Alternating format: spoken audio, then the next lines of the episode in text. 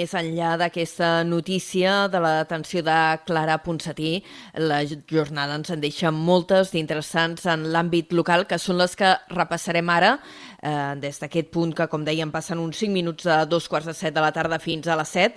Eh, us estarem acompanyant l'Àlvaro Rodríguez i l'Adrià Requesens des de Ràdio Ciutat de Tarragona i jo mateixa, l'Anna Plaça, a Ona la Torre.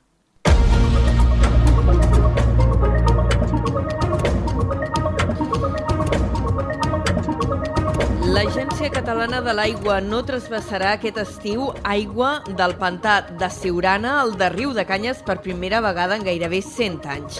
De fet, la primera concessió d'aigua del Siurana a la conca de regants del pantà de Riu de Canyes es va fer l'any 1930. Adrià Requesens, bona tarda. Bona tarda, Anna. Doncs sí, l'ACA s'ha reunit avui amb els regants de Riu de Canyes i el sindicat Unió de Pagesos per informar-los de la decisió provocada per la greu situació de sequera. De fet, el pantà de Siurana està al 7,5% de la seva capacitat i el de Riu de Canyes només un punt per sobre. Són els dos embassaments amb una menor reserva d'aigua de tot Catalunya. La comunitat només podrà utilitzar 0,26 hectòmetres cúbics d'aigua del pantà de Riu de Canyes. Amb aquesta quantitat no es podrà podrà regar. De fet, aquesta aigua només es podrà utilitzar en una situació d'emergència d'algun dels ajuntaments consorciats. La comunitat de regants ha assenyalat que per poder cobrir les necessitats caldria que el trasbassament fos de 7 hectòmetres cúbics. A la reunió d'avui han tornat a reclamar a l'ACA que es reactivi el projecte per poder aprofitar l'aigua de la depuradora de Reus un cop regenerada. I avui també tenim eh, inversions eh, importants per destacar. D'una banda, l'Incasol ha anunciat que invertirà 10 milions d'euros en les obres d'urbanització per ampliar el polígon industrial de Valls. L'anunci l'ha fet eh, avui mateix el conseller de Territori, Juli Fernández, en una visita sobre el terreny. A més, s'ha anunciat que l'Ajuntament i el govern català preveuen la construcció de 36 habitatges de protecció oficial al municipi. Ens ho amplia des de Ràdio Ciutat de Valls, en David Prats. Aprofitant una visita aquest dimarts a la capital de l'Alcamp, el conseller de Territori, Juli Fernández, ha explicat que el projecte permetrà ampliar l'activitat industrial i logística del polígon. Desenvolupar aquestes 62 eh, eh, hectàrees de sol eh, per tal de poder continuar ubicant activitat industrial i activitat logística per partir de, de parcel·les, eh, en un primer moment parcel·les eh, doncs, de tamany gran, perquè són activitats que necessiten eh, unes parcel·les adequades eh, amb, aquests, eh, amb aquests tamanys de més de 4 hectàrees, i després eh, acabant doncs, de, de relligar amb eh, parcel·les més petites, entre una eh, i 4 hectàrees. La previsió és que les obres s'iniciïn l'any 2025 i finalitzin el 2026. D'altra banda, l'Incasol, l'Agència d'Habitatge de Catalunya i l'Ajuntament de Valls treballen per formalitzar un conveni que permeti construir 36 habitatges de protecció oficial a la ciutat. Gràcies, David. I més inversions en polígons. Ara, a la Conca, l'Ajuntament de Montblanc ha adjudicat ja les obres d'urbanització de la zona industrial on s'ubicarà el centre logístic de Bonpreu. La Unió Temporal d'Empreses Gixa i EIFAGE executarà els treballs de la primera fase en els quals preveuen la construcció de les infraestructures necessàries com ara les canalitzacions per als subministraments, els vials, la pavimentació o l'enllumenat públic. Les obres que començaran aviat costaran més de 9 milions d'euros més IVA i les pagarà l'empresa pública Cimalsa. I encara a Montblanc destaquem que les obres de remodelació del Pont Vell i el seu entorn encara en ja la recta final. Avui s'hi ha instal·lat eh, una xamanella de ferro que substitueix la de l'antiga bòbila que es va emportar a la riuada del 2019. Ens n'amplia la notícia la nostra companya de Ràdio Montblanc, Gemma Bufies. Les obres del Pont Vell de Montblanc i el seu entorn encara en la recta final després de sis mesos. Només falten els detalls d'uns treballs que han transformat tot aquest espai. Gairebé quatre anys després de la riuada del 2019 que va deixar el pont romànic molt malmès, les obres de més d'un milió i mig d'euros han servit per fer-li un rentat de cara i recuperar l'espai. L'Ajuntament vol que es converteixi en un nou pol d'atracció turística. Josep Andreu, alcalde de Montblanc. Queda molt millorat quan abans de la riuada. Crec que hi ha hagut un tractament de, diguem, el vellut, eh? perquè aquí hi havia una obra hidràulica, però també doncs, la pell. Crec que hem acertat amb aquesta eh, disposició, en aquestes places, i jo crec que serà de pas obligatori passar per aquí totes les visites turístiques que hi haurà, o fins i tot potser començar-les, eh? És una mica... No hi ha ciutat medieval que no tingui el seu pont. A més de reconstruir les parts malmeses del pont, les obres també han servit per crear nous espais i accessos des del pont nou. Un dels símbols d'aquest nou espai serà la xamaneia de l'antiga bòbila que les riuades van portar. Just aquest dimarts se n'ha instal·lat una de ferro que recordarà que una nit d'octubre del 2019 una riuada s'ho van portar tot per davant. El consistori espera que la restauració del pont vell serveixi per revitalitzar la part nord del carrer Major i que per la setmana medieval ja s'hi pugui passar. Gràcies, Gemma. I més notícies que ens han arribat aquesta tarda mateix. El Consell de Ministres ha aprovat avui destinar 1,4 milions d'euros a reparar els danys provocats pels últims temporals a la costa de la demarcació de Tarragona. Entre les actuacions que en finançarà l'Estat hi ha la reparació de les estructures de protecció de la platja de Cunit. A més, intervindrà per resoldre les afectacions en els accessos en múltiples platges del territori. És el cas de la cala de Canyadell, a Torredembarra, la platja d'Altafulla, la del Miracle a Tarragona i el Cap de Sant Pere a Cambrils. El paquet d'ajudes, aprovat avui, també inclou mesures contra l'erosió a les platges de la Pixarota i Rifà de Montroig del Camp i també altres platges de l'Ametlla, el Parelló i l'Ampolla. I en el capítol de fet divers, els Mossos d'Esquadra han detingut un cinquè implicat en l'homicidi d'un home a Valls, ara ja fa una setmana. La informació l'ha avançat al diari de Tarragona. L'arrest es va produir ahir al vespre a Granollers. L'arrestat és un home de 36 anys. Divendres passat, el jutjat d'instrucció número 3 de Valls va ordenar presó provisional sense fiança per a dos homes i una dona. La titular del jutjat també va deixar una quarta persona, una altra dona, en llibertat provisional amb l'obligació de compareixer cada setmana al jutjat. I a Tarragona hi ha hagut un detingut per agressió amb arma blanca al carrer de Sant Miquel, a la part baixa. La detenció s'ha produït arran d'una baralla entre dos homes que es va produir ahir a la tarda. Segons la Guàrdia Urbana, un dels atacants portava dos ganivets a les mans amb els quals va rebre els efectius policials en posició amenaçant. Presumptament, l'agressor patia brots psicòtics i va oferir resistència a la seva detenció dins del seu domicili.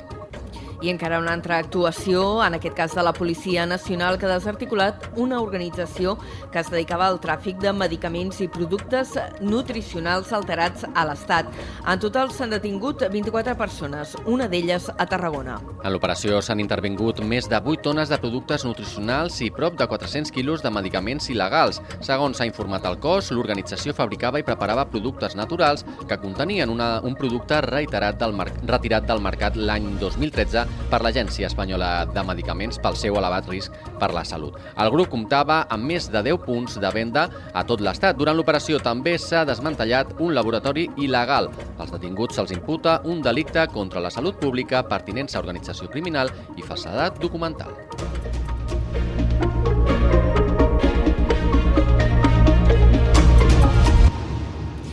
Dos minuts per tres quarts de set ens endinsem a la crònica local. Un cop oficialitzada la seva llista a les municipals, el PSC de Tarragona accelera la precampanya i presenta el seu projecte de ciutat. El seu cap de llista, en Rubén Viñuales, va oferir ahir una conferència a l'Aula Magna del Campus Catalunya. Entre les seves propostes hi ha la creació d'un barri tecnològic al polígon Francolí. Des de Ràdio Ciutat de Tarragona té tots els detalls l'Àlvaro Rodríguez. El PSC de Tarragona ha presentat aquest dilluns la Tarragona en la qual creu a l'aula magna de la URB en un dels primers actes de precampanya d'aquestes eleccions. El candidat socialista a l'alcaldia, Rubén Viñuales, ha liderat una conferència amb el futur POM al centre. Per a Viñuales, les prioritats són fer créixer la ciutat i la qualitat de vida d'aquesta. Per aquest objectiu han presentat propostes com el creixement d'habitatges al voltant de la Nacional 340 Llevant, un gran parc verd a l'Horta Gran i la reforma del carrer del Mar i la retirada de les vies per crear una gran rambla. Viñuales ha remarcat la necessitat d'implementar les noves tecnologies a tota l'activitat del consistori. A més, ha expressat la voluntat de crear un nou barri tecnològic al polígon del Francolí, tot aprofitant la proximitat amb Barcelona. Jo no us diria que podem generar una indústria tecnològica a Tarragona si no fos perquè tenim Barcelona aquí al costat. I Barcelona està col·lapsant. El preu de la vivenda, la manca d'espai... Barcelona està col·lapsant. Jo em vull aprofitar. No vull competir. És jugant a primera o la Champions. Jo, començar en segona B, me conformo. Però jo vull jugar. Jo vull jugar a aquesta lliga de la tecnologia. La conferència s'ha centrat també en temes de neteja, plantejant un contracte pam a pam i un nou pla de voreres, així com en la seguretat, on el candidat ha apostat per l'ampliació de les patrulles a peu i la creació d'una nova comissaria ponent. Vinyuales també ha fet incidència en la necessitat de convertir Tarragona en un referent cultural del Mediterrani. I mentre el PSC fa campanya, el govern de Tarragona fa balanç del mandat. Avui les regidories de Patrimoni, Esports i Festes han destacat les inversions que s'han aconseguit i els projectes que s'han anat impulsant. En el cas de Patrimoni, el regidor Armand Pinedo ha destacat que s'han mobilitzat més de 8 milions d'euros per al manteniment i conservació dels monuments. Part d'aquests diners s'han aconseguit a través d'ajudes de la Generalitat i de l'Estat. Destaquen, per exemple, els 3 milions d'euros que es destinaran a posar en el dia el jaciment del Fòrum de la Colònia. Entre les actuacions en procés, Pinedo també ha assenyalat la restauració de Cala Gapitu i la pròxima restauració de les façanes del Pretori. Pel que fa a projectes acabats, el regidor de Patrimoni ha destacat els treballs d'emergència a l'amfiteatre i el videomapping que s'ha estrenat aquest cap de setmana a la volta del Pallol i que és una de les potes del projecte Porta Tarraco. I en l'àmbit de cultura i festes, l'Ajuntament de Tarragona destaca que el pressupost s'ha incrementat fins a arribar als 4,5 milions d'euros d'enguany. Aquesta xifra s'hi han de sumar gairebé 3 milions en inversions. Entre les obres que s'han fet o que estan en projecte, la regidora de Cultura, Inés Soler, ha destacat les millores al Camp de Mar i al Teatre Tarragona, també al Metropol, a més de l'educació al mòdul 6 de la tabacalera per fer-hi activitats culturals. En el balanç eh, del mandat, la regidora de Cultura també ha destacat la consolidació del Mèdul Centre d'Arts Contemporànies, la posada en marxa de l'antic Ajuntament com a espai cultural i comunitat i la recuperació del Festival Escan de Fotografia i l'aposta per la dansa. I en esports, l'equip de govern de Tarragona destaca que s'ha aconseguit situar la ciutat en una posició de referència al país. Ha estat gràcies a activitats de nivell nacional com el campionat de minibàsquet o la volta ciclista i l'aposta per al turisme esportiu. Des de Ràdio Ciutat de Tarragona ens ho amplia la Judit Fernández. Aquest dimarts, Mari López, consellera d'Esports de Tarragona, ha fet balanç sobre les activitats dutes a terme durant el mandat, destacant l'obertura de la ciutadania de l'anella mediterrània i l'implicació en un equip esportiu sostenible. Segons López, el nombre de persones abonades al Patronat Municipal d'Esports de Tarragona ha augmentat les xifres en un 14%, arribant a un total de 8.884 abonats. L'obertura del Palau d'Esports de Catalunya acolleix diàriament més de 250 esportistes i una desena de clubs esportius de la ciutat. En aquesta línia, la consellera assegura que amb activitats a nivell nacional com el campionat de minibàsquet o la volta ciclista, el turisme esportiu de la ciutat es posiciona com a referent. Hem de treballar perquè la ciutat tingui esdeveniments esportius sostenibles, eh, esdeveniments esportius que la gent pugui vindre, disfrutar i gaudir de Tarragona i amb aquesta línia de treball hem treballat i continuem treballant perquè l'esport i el turisme esportiu no pari a la nostra ciutat. La consellera també ha detallat l'importància d'activitats esportives inclusives per a que tota la ciutadania, sense excepcions, pugui disfrutar del lleure i l'esport a la ciutat. Deixem Tarragona, anem cap a Reus. La nova escola dels oficis s'ubicarà a l'edifici del Vapor Vell. L'Ajuntament farà obres en aquest edifici que està catalogat pel seu valor patrimonial per ubicar-hi aquestes noves dependències municipals. La Diputació de Tarragona portarà 400.000 euros al projecte i l'Ajuntament de Reus n'hi destinarà 175.000. En una primera fase es restauraran la façana i les cobertes i es reformarà parcialment la planta baixa on s'ubicarà la nova escola d'oficis. Enguany s'encarregarà la redacció del projecte i la previsió és que el centre sigui una realitat al 2025. Encara no s'ha concretat quins cursos s'hi faran, però Mas Carandell ja ha fet un estudi per determinar en quins àmbits falten eh, professionals qualificats. L'escola d'oficis ocuparà entre 250 i 200 metres quadrats. El Vapor Vell en té més de 4.000, per això hi quedarà encara molt d'espai lliure per ubicar-hi en un futur altres dependències municipals. Seguim al Baix Camp. La residència per a gent gran al Vilar de la Selva estrena la seva ampliació i oferirà fins a 90 places. El conseller de Drets Socials de la Generalitat, Carles Campuzano, ha presidit la cerimònia d'estrena d'un equipament que ha tingut una inversió municipal de 3 milions d'euros. Ho explica des de Ràdio La Selva Antonio Mellado. Amb aquesta actuació, l'equipament incrementarà les seves places de les actuals 55 a les 90. En total, 35 nous residents, la majoria dels quals comptaran amb plaça pública subvencionada pel Departament de Drets Socials de la Generalitat, motiu pel qual s'ha volgut convidar el conseller Carles Campuzano, que n'ha presidit l'estrena. Campuzano ha reiterat el seu compromís a augmentar proporcionalment el nombre de places públiques del Vilar després de la seva ampliació. D'altra banda, així valorava Josep Masdeu, regidor d'Obres Públiques, la finalització d'aquestes obres. Estem ficant en funcionament 35 places, la llista d'espera, vull dir, sol de places públiques és de més de 50 persones, i després hi ha una realitat, a la selva de més de 65 anys, en què moment són més de 950 persones.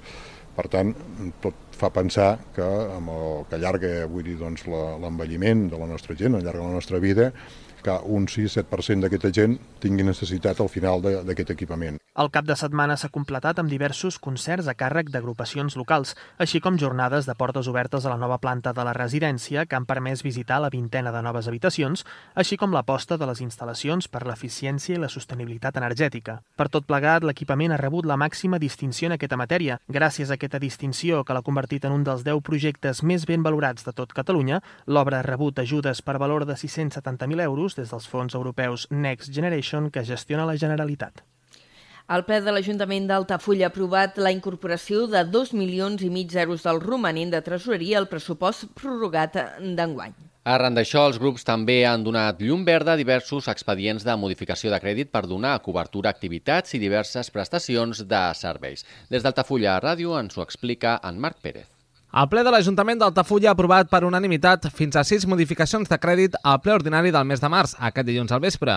Han estat un seguit d'expedients que, tenint en compte que els comptes d'enguany s'han prorrogat, segons exposat el regidor d'Hisenda, Francesc Ferrer, principalment han servit per dotar de recursos aquelles partides que no en disposaven prou, així com per crear-ne de noves en funció de les necessitats. La proposta de modificació, el crèdit 2-2023, són eh, bàsicament aquestes tindria el títol de eh, l'increment de personal. És el que la llei eh, ens obliga eh, a incrementar el percentatge pactat amb els sindicats i l'administració, però que és perceptiu que s'ha de votar. Tenim poc marge, poc marge perquè estem obligats a aquest increment Paral·lelament, amb l'extensió de l'oposició, també ha prosperat la incorporació de 40.000 euros per a la programació del cas a la Violeta. D'altra banda, a la sessió d'aquest dilluns també s'ha donat el vistiplau al reglament orgànic municipal, a la reforma del Parc de Boramar i a una modificació del Pla d'Ordenació Urbana, entre altres qüestions. Sí, sí, 52 minuts. Aquesta sintonia ens porta a parlar d'esports i ens situem de nou a Tarragona, que acollirà la competició de CrossFit més gran de Catalunya. Es realitzarà els dies 9, 10 i 11 de juny al Palau d'Esports de Tarragona i ja hi han inscrits 500 participants. Des de Ràdio Ciutat de Tarragona ens ho detalla la Judit Fernández. Els propers 9, 10 i 11 de juny tindrà lloc la competició de CrossFit Tarragona Throwdown. El Palau d'Esports Catalunya de Tarragona serà la seu de la competició més gran de CrossFit a Catalunya. Tarragona Throwdown comptarà amb la modalitat mixta, la més coneguda d'aquest tipus de competicions, i amb modalitats de grups masculins i femenins. Tot i això, seguiran mantenint els mateixos estàndards de les categories. Aquesta competició busca que la gent gaudeixi d'aquest esport i, per tant, els participants no hauran de passar un període d'inscripció prèvia. Aurel Newell, organizador del Tarragona Throwdown, así nos lo explica. Categorías para todos los niveles, es totalmente adaptado. Da igual el nivel como lleves 15 días haciendo CrossFit, como lleves eh, 15 años, digamos. Hay para todos los, los niveles y no hay que, que, que, tener miedo a nada. Es esto, es venir a pasarlo bien y, y les inscripcions a la competició estaran obertes fins al 10 de maig. Des de l'organització asseguren que ja hi ha inscrits 300 participants i esperen duplicar les dades d'aquí a l'inici de la Tarragona Throwdown.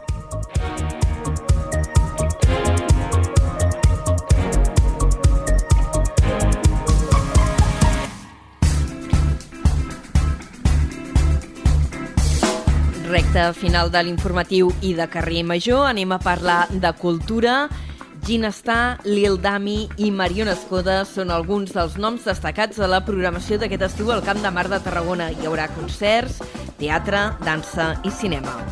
La programació s'ha presentat justament avui amb el lema espectacular i també inclou produccions del Grec i del Festival de Teatro Clàssico de Mèrida. Álvaro Rodríguez ens ho amplia des de Ràdio Ciutat de Tarragona. El punt de partida del Festival de Camp de Mar serà l'1 de juliol amb el concert gratuït de Ginestar i Marala.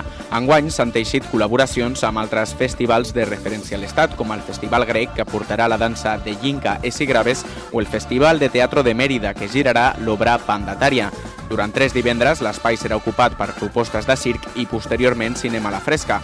Tot clourà amb un nou concert gratuït amb Lil Dami i Julieta el 5 d'agost. Inés Soler, consellera de Cultura de Tarragona, destaca que aquesta programació situa la ciutat com a un punt de referència al país. Construir i fer xarxa i teixir lligams entre totes tot, entre tots aquests eh, referents culturals. Són tots aquests socis claus per al desenvolupament d'aquesta programació i un punt de partida per fer créixer conjuntament l'oferta cultural de la ciutat i dels països catalans. L'Ajuntament de Tarragona ha anunciat també una nova edició del cicle en dansa, que en aquesta ocasió oferirà quatre espectacles a les coves del Llorito. La programació d'estiu tanca amb el cicle de cultura en família que compta amb 11 espectacles i tallers gratuïts a diversos espais de la ciutat.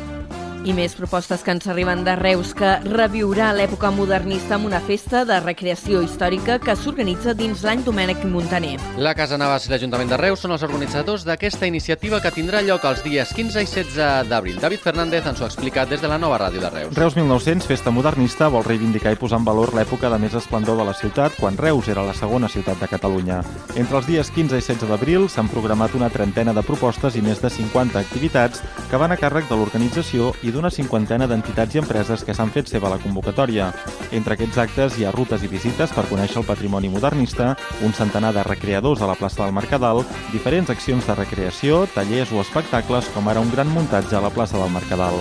Sílvia Sagalà és directora de Casa Arabàs i codirectora de la festa. L'època modernista va ser molt important per la ciutat de Reus. Venim de 100 anys de ser segona ciutat de Catalunya i això es traduïa en bonança econòmica, social, política i per tant en sempre els anys més gloriosos que ha tingut la ciutat de Reus pensàvem que calia reivindicar-los, reivindicar aquests anys gloriosos i reivindicar sobretot el patrimoni modernista que queda d'en peus avui a la ciutat, que seria o és dels més importants que hi ha al conjunt d'Europa. Tota la programació ja es pot consultar al web reus1900.cat des d'on a partir del dia 31 es podran fer les inscripcions i comprar entrades. I avui, a més, s'han presentat novetats al Pere Mata, motiu també de l'any Domènec i Montaner. S'hi farà una maqueta a escala de com havia de ser originalment aquest centre psiquiàtric eh, dissenyat per Domènec i Montaner i, a més, s'hi farà un espai immersiu. I amb aquesta informació tanquem carrer Major i, eh, tornem demà a les 4. Adéu-siau, bona tarda.